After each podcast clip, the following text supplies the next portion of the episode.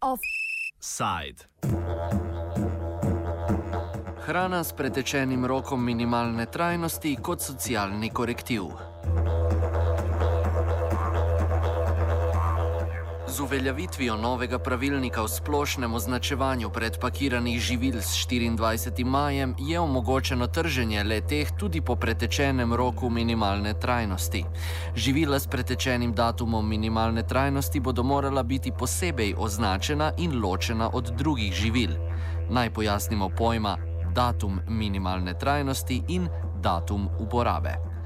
Datum uporabe je oznaka varnosti živila in se nanaša na hitro pokvarljiva živila, katerih po preteku označenega datuma ni priporočljivo uživati.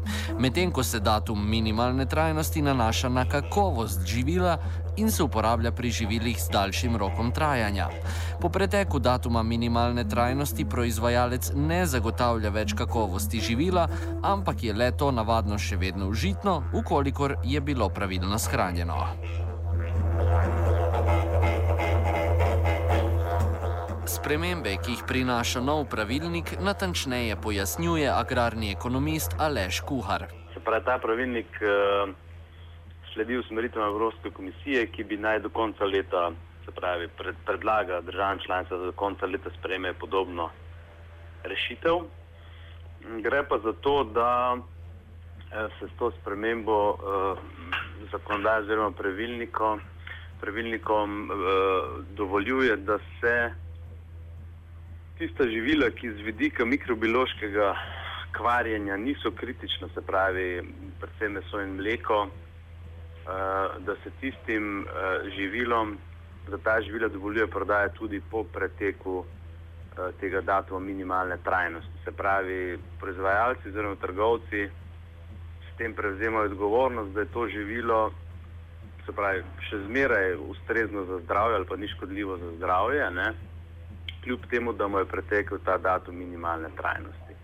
Tle gre predvsem za živila, kot so vem, testenine, eh, riž, vem, tudi sladkor, skratka zadeve, ki niso eh, kritične z vidika, eh, z vidika mikrobiološkega kvara eh, in je njihov ključni v bistvu proces, ki teče s časom, je v bistvu poslabševanje neke senzorične kakovosti ali pa skratka teh tehnoloških parametrov kakovosti. Ni pa nikakor, bi rekel, nujno ali pa ni, ni, ni nekih zelo, zelo velikih tveganj, da so ta živila tudi nevarna. Oziroma, jaz upam, da zakonodajalec, zakonodajalec pač tukaj uh, uh, zatrjuje, ne, da uh, ta živila niso nevarna, so pa seveda z vidika neke tehnološke kakovosti, senzorike, barve in tako naprej, da so pa verjetno ti, eh, ta živila zaradi trajanja, ne, od svojega roka trajanja, nekoliko pač druge kakovosti. Tako da tukaj gre za en pozitiven premik, nedvomno zakonodajalca.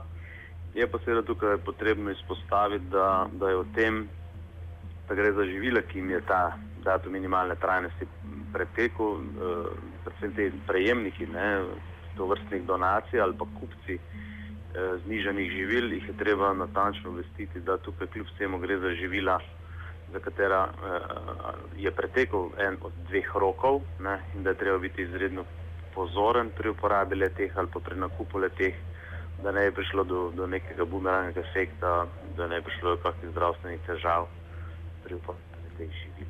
Tako da treba je to fair komunicirati, ljudi je treba izobraziti v smeri natančnejšega spremljanja, ne opazovanja kakovosti teh živil. Vendar, kot rečeno, gre za tiste kategorije, ki to pogledno niso zelo, zelo občutljive, se pravi, da bi lahko bile nevarne za zdravje po preteku tega datuma minimalnega roka. Slovenski trgovci sicer niso najbolj navdušeni nad zamislijo, da bi živila s potečenim rokom minimalne trajnosti prodajali na svojih policah, čež da bodo le stežka zagotavljali varnost. Vendar le pa napovedujejo, da bodo lahko po novem donirali večje količine živil, ki bi bila sicer uničena, komentira kuhar. Ja, glavno odgovornost uh, v bistvu sprejema proizvajalec. In proizvajalci pri kreiranju živil, se pravi pri izdelavi receptur, naredijo um, določen testiranje oziroma za posamezne kategorije živil veljajo že neke splošne norme, kakšna je njihova, kakšen je njihov rok trajanja. Tako da glavno odgovornost nosijo v bistvu proizvajalci živil in oni jo določijo glede na svoje rekel, znanje in poznavanje, določijo neke minimalne minimalne roke uh, trajnosti. In tukaj je treba seveda povedati, da ti veliki renomirani proizvajalci uh, postavljajo roke trajanja z zelo veliko rezervo v pozitivno korist uh, kupcev. Ne? Se pravi, se na ta način proizvajalci zavarujejo in postavljajo relativno kratke roke.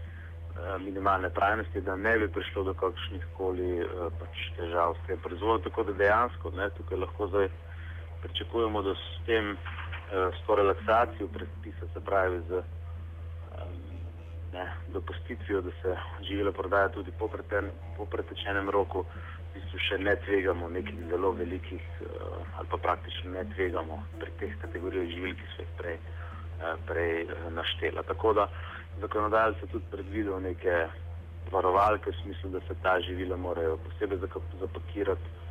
Jaz mislim, da je najbolj smiselno, da se to vrstna živila eh, distribuirajo samo po specifičnih kanalih, se pravi, da bi ta živila dobivala, dobivali v uporabo le recimo neke inštitucije, kot so domove za brezdomce ali neke inštitucije za brezdomce in bi se ta živila tam tudi porabila, da ne bi, šlo, da ne bi ta živila šla v uporabo recimo v gospodinstva, kjer se lahko zgodi, da recimo ta živila ponovno pristanejo nekje na polici in počakajo do uporabe tako dolgo časa, da dejansko postanejo za zdravje eh, pač eh, nevarne.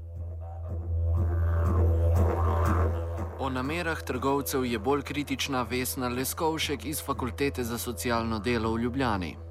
Uh, jaz ne vidim nobenega problema v tem, da se hrana še je tudi po roku uh, te minimalne trajnosti. Uh, nastane pa seveda velik problem takrat, kadar je ta hrana namenjena samo določeni skupini ljudi, ne? ker zdaj so prva poročila, uh, ki jih gledamo, po, um, ki jih poslušamo, so v glavnem v tem, da trgovci uh, ne nameravajo ta živila uh, uh, posebej označevati ali pa dajati na posebne police in tako naprej, ampak jih bodo donirali uh, nekim dobrodelnim uh, organizacijam. Ne? Se pravi, za njihove trgovine uh, ta hrana ni dovolj dobra, za njihove kupce, čisto dovolj dobra pa bo za neko skupino ljudi, ki izkušajo revščino. Ne? In jaz mislim, da je to, če tako razumemo ta ukrep, uh, seveda čista, uh, čisto razslojevanje. Ne?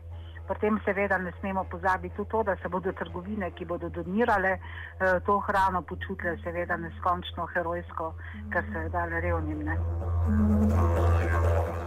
Anja Kopač Mrak, ki upravlja tekoče posle kot ministrica za socialne zadeve, je izpostavila socialne trgovine, ki naj bi lahko sedaj viške hrane delile med socialno ogrožene. Zato smo se pozanimali pri Ivi Poropat iz socialne trgovine Sorta, kako gleda na spremembo. Kaj bo to pomenilo za našo socialno trgovino, bi morda še težko rekla. Zato, ker uh, mi do zdaj uh, nismo uh, dobili uh, uh, od dobaviteljev nobene ponudbe, še, uh, če bi odkupili ali kakorkoli, da bi nam donirali uh, izdelke s potečenim rokom. Uh, predvidevam, da bo ta, uh, ta zakonodaja verjetno um, oziroma ta pravilnik uh, doprinesel predvsem humanitarnim organizacijam, ki so do zdaj dobivale um, donirane presežke hrane.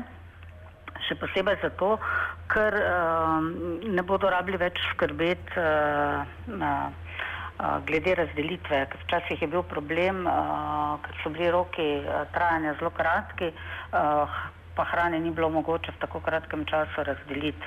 Bo pa potrebo, potrebno tudi uh, spremeniti verjetno miselnost uh, med nami, med slovenci, sploh zato, ker do zdaj ni bila takšna praksa.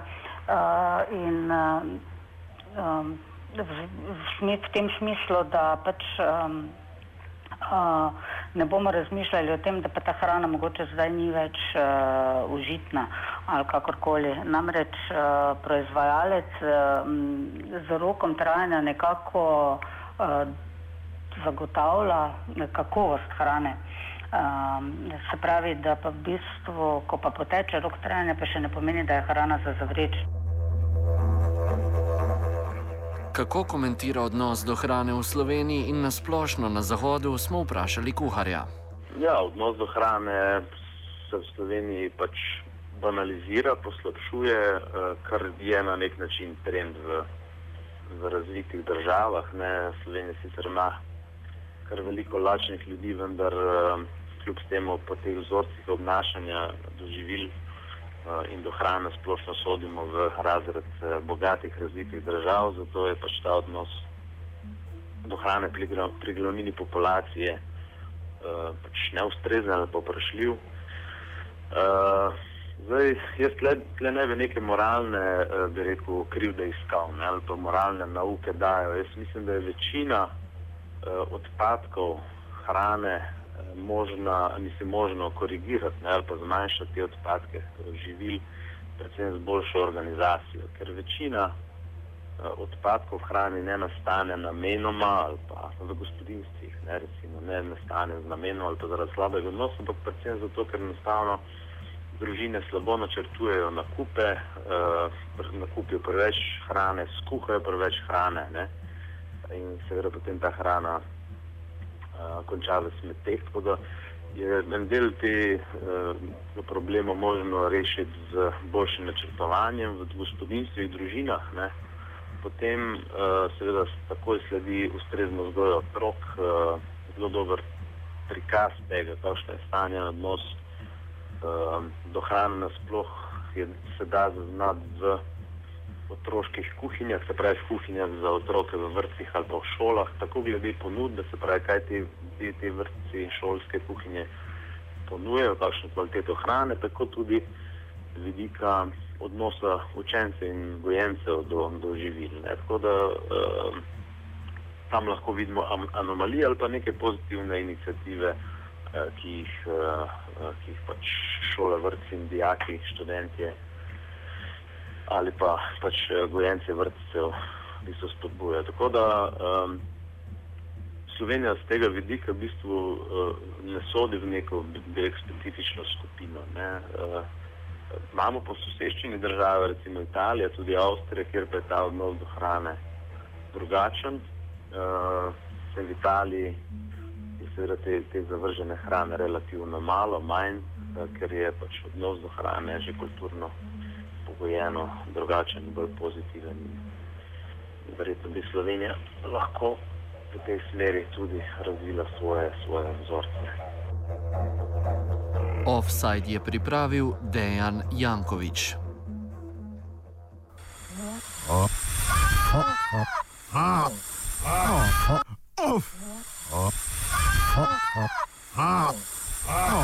Offside.